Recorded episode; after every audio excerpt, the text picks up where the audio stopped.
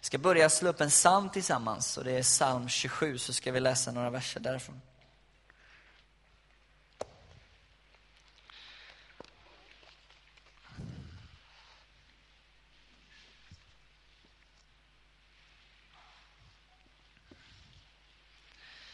Från vers 4 till vers 6. Står det så här, det är David som, som skriver psalm. Han skriver så här att ett har jag begärt av Herren, det längtar jag efter. Att få bo i Herrens hus i alla mitt livs dagar för att se Herrens ljuvlighet och betrakta hans tempel. Ty han håller mig gömd i sin hydda på olyckans dag. Han beskyddar mig i sin boning.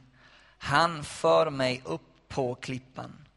Nu kan mitt huvud höja sig över mina fiender runt omkring mig. Jag vill offra jublets offer i hans hydda. Jag vill sjunga till Herrens ära och lova honom. Här eh, läser vi om David som har en oerhörd passion efter att uppleva Guds närvaro, att få se Guds härlighet. Han uttrycker det och säger det ett har jag begärt av Herren, det längtar efter att få vara i hans hus. Och sen står det också lite längre ner att han beskyddar mig i sin boning, han för mig upp på klippan. Nu kan mitt huvud höja sig över mina fiender runt omkring mig. Och det här med klippan, det får vara en symbol för Guds närvaro, platsen där vi ser Guds härlighet, där vi får bli upptagna och gripna av vem Gud är. Och Det här skulle jag vilja tala om idag, att Gud vill föra oss upp på klippan i hans närvaro, där vi ser hans Eh, härlighet, hans majestät. Och eh, det för mig tillbaka till en liten resa som jag gjorde, eh, om det var i somras kommer jag nu inte ihåg, för att, ja, i alla fall, men somras eller sommaren innan. Men då hade jag varit med några vänner i Norge. Och vi redan, jag tror jag berättade det här någon gång innan, men för dig som är ny så är det alltid skönt att ta en gång till. Men eh, jag hade en längtan att åka till Norge eftersom det är så otroligt vackert. Jag tycker att eh, Norge med längder slår Sverige i naturskönhet i och med att de har så extrema bergstoppar och, och, och fjordar. Och, och, det är väldigt, väldigt fint. Så att eh, jag kände vi, det är en riktigt bra resa att åka på. Då. Så att jag och mina vänner vi, vi packade en bil full med massa konserver och mat och så vidare. För det är väldigt dyrt att, att köpa mat i Norge. Så att vi ville få ner kostnaden. Så drog vi iväg och så åkte vi upp, upp mot en, eh, en region som kallas Geiranger. Och eh, i takt med att vi åkte upp så började bergen höjas och vi såg de här liksom vackra vyerna. Och mina kompisar de började ta kort direkt på så här ganska små saker. Jag tänkte, varför? Det här är ju ingenting vad som kommer sen. De var redan så fascinerade när man kör längs vägarna där, med att det blir så vackert. Och bergen höjs och så vidare. Och det finns fjordar och sådär. Um, ehm, och vi skulle åka upp dit för att vandra och uppleva naturen som var där. Och vi kom till en plats som heter Geiranger. Um, Eh, jag vet inte riktigt var det ligger, men mellandelarna i Norge i alla fall. vi får slå upp det. Men eh, där kampar vi och vi hade liksom som mål att gå upp på eh, någonting som kallas Laushornet. Då. Och det är en topp som är 1500 meter över havet där man ser ut och ner mot fjorden och det finns en fantastisk vy där tydligen. Då. Så att eh, vi tog oss an och tänkte att den här utmaningen vill vi ju eh, göra. Så att eh, vi körde upp Eh, med bilen en liten bit. Och sen eh, skulle vi påbörja vår vandring för att komma till den här platsen. Då.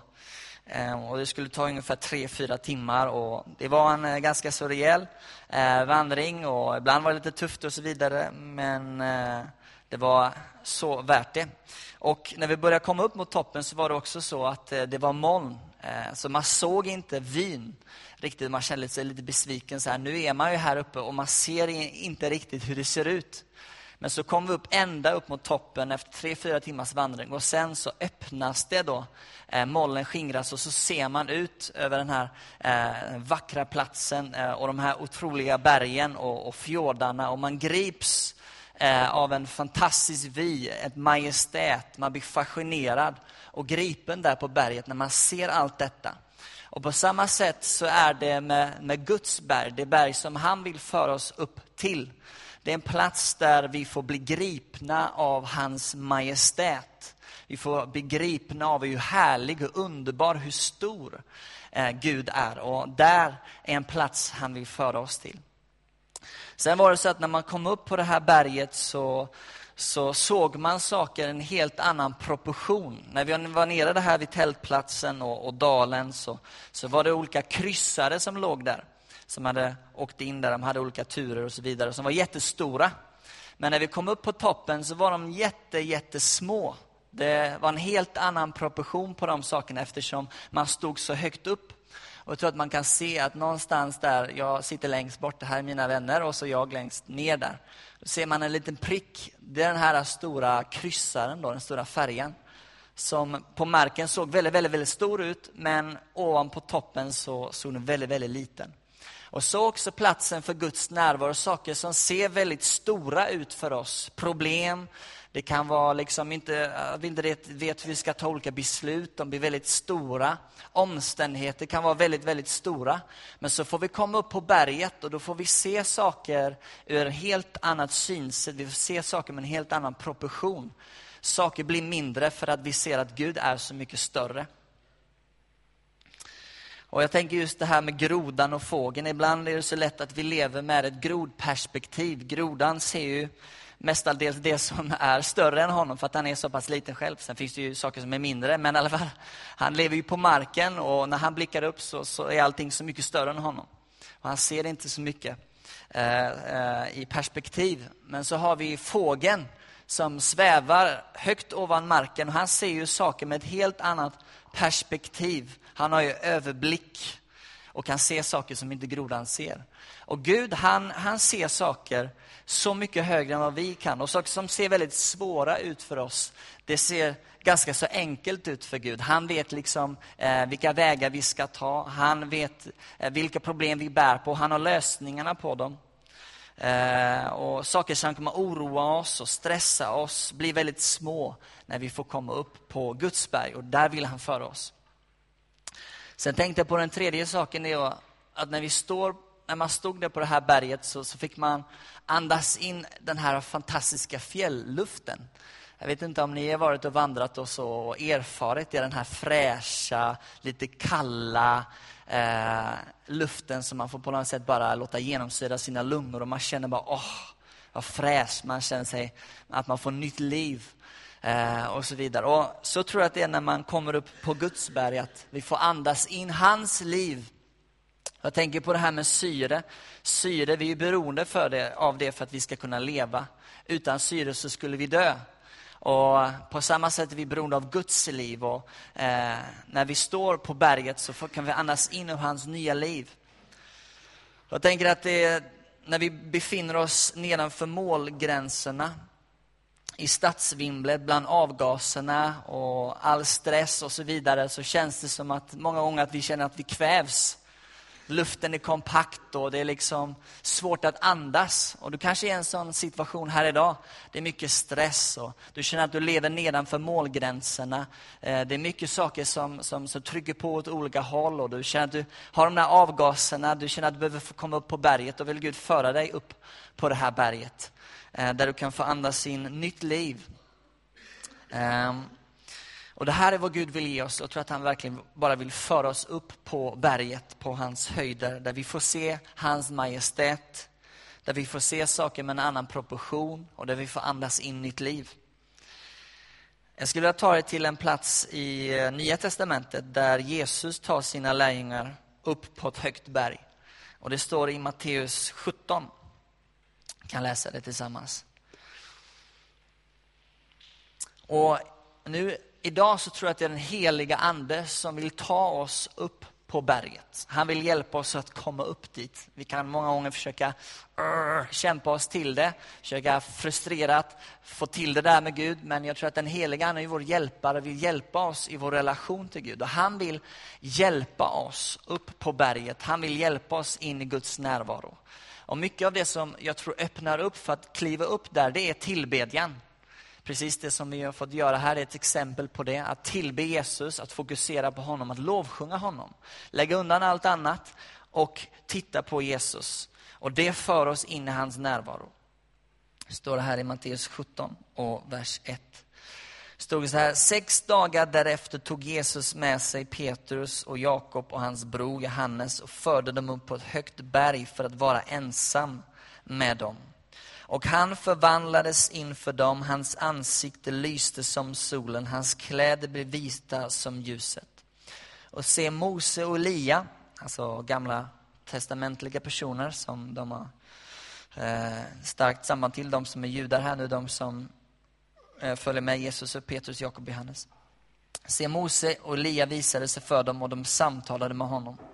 Petrus sa till Jesus, här är det gott för oss att vara här. Om du vill ska jag göra tre hyddor, en åt dig, en åt Mose och en åt Elia. Medan han ännu talade, se då sänktes ett lysande moln ner över dem och en röst ur molnet sa, denna är min son, den älskade. I honom har jag min glädje, lyssna till honom. När lärjungarna hörde det föll de ner på sina ansikten och greps av stor fruktan. Men Jesus gick fram och rörde vid dem och sa, stig upp och var inte förskräckta.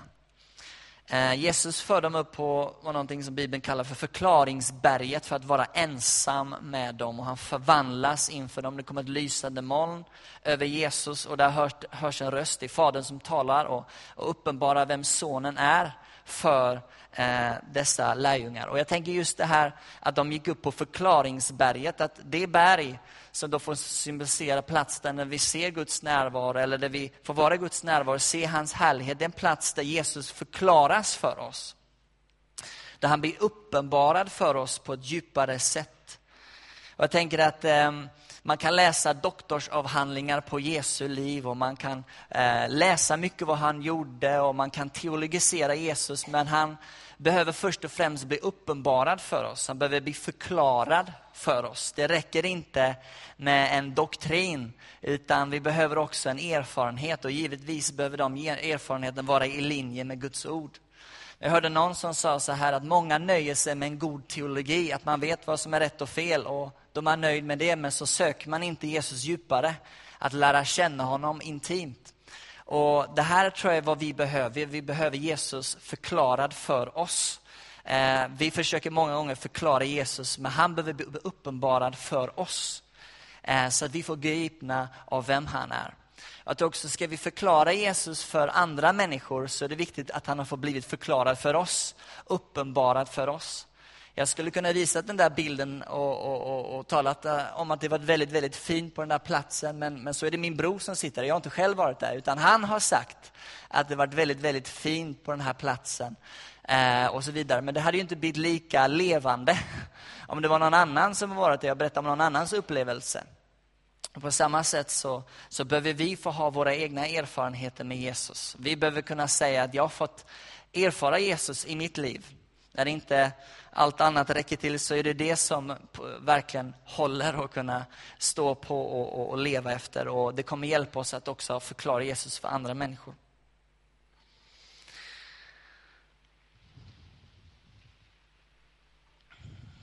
Sen står det så här att när det här molnet lyfts, de har hört Fadern tala och han har sagt att den är min son, den älskade, i honom har jag min glädje lyssnat till. Det står att de, när de hörde det så föll de ner på sina ansikten och greps av stor fruktan.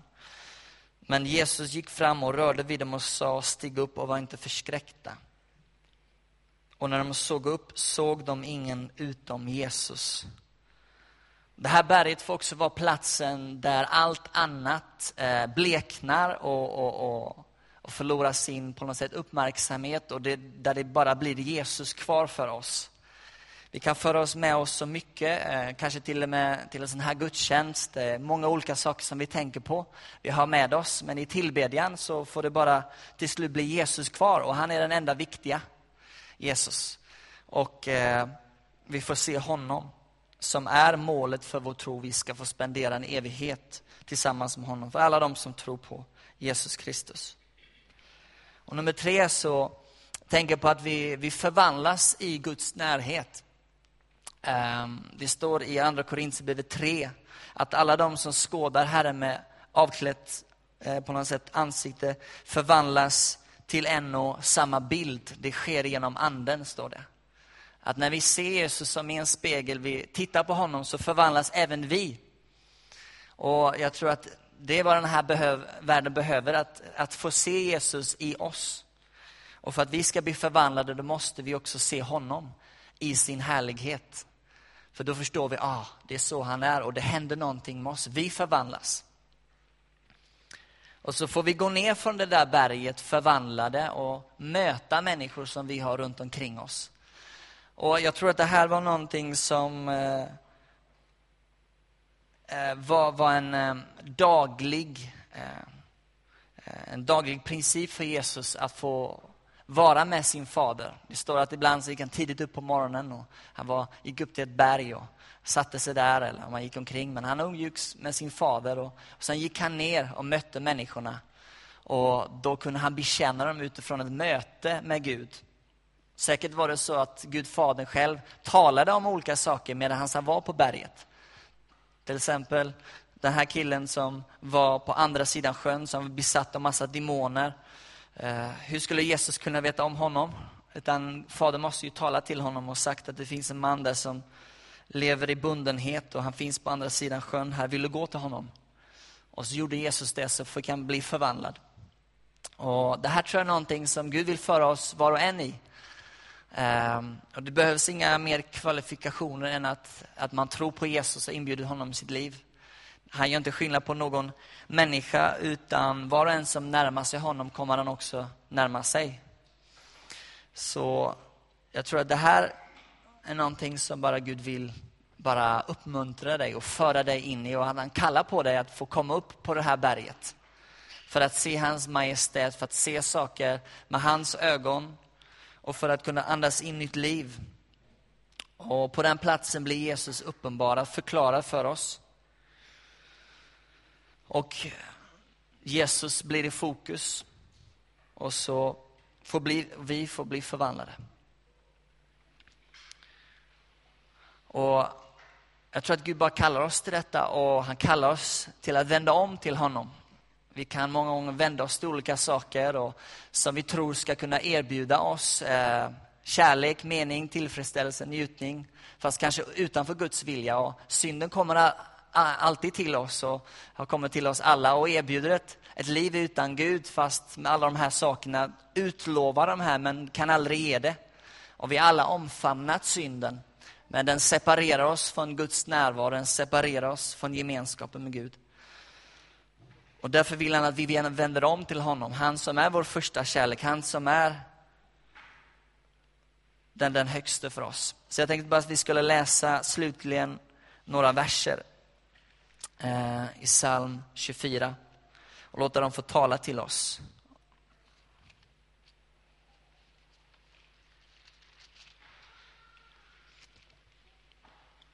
står det så i vers 3 och framåt. Vem får gå upp på Herrens berg? Vem får träda in i hans helgedom?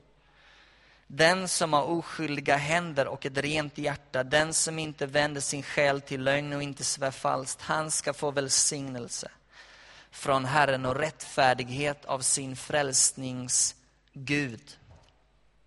Jag ska också läsa i Jakobsbrevet 4.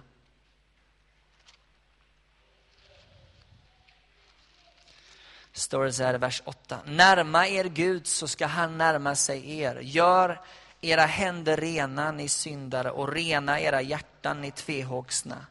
Klaga och sörj och gråt, låt er skratt vändas i sorg, er glädje i bedrövelse.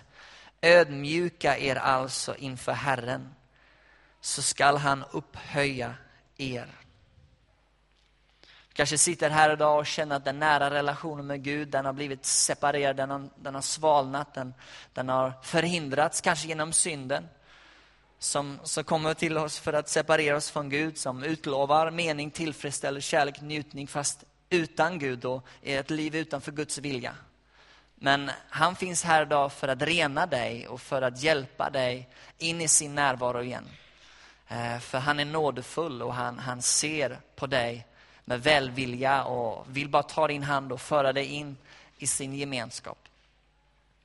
Och Jag tänker liksom att den här eh, gudstjänsten, resten av den här gudstjänsten får bara få vara en sån här överlåtelsestund för oss alla. För mitt eget liv, att vi får vi får bara vända våra hjärtan till Gud, eh, till Jesus eh, och låta den helige Ande föra oss in i tillbedjan. Så att vi får komma upp på det där berget där vi ser hans majestät och ser vem Jesus verkligen är. Ehm, så vi kan ta upp lovsångsgänget här så ska vi strax gå in i tillbedjan.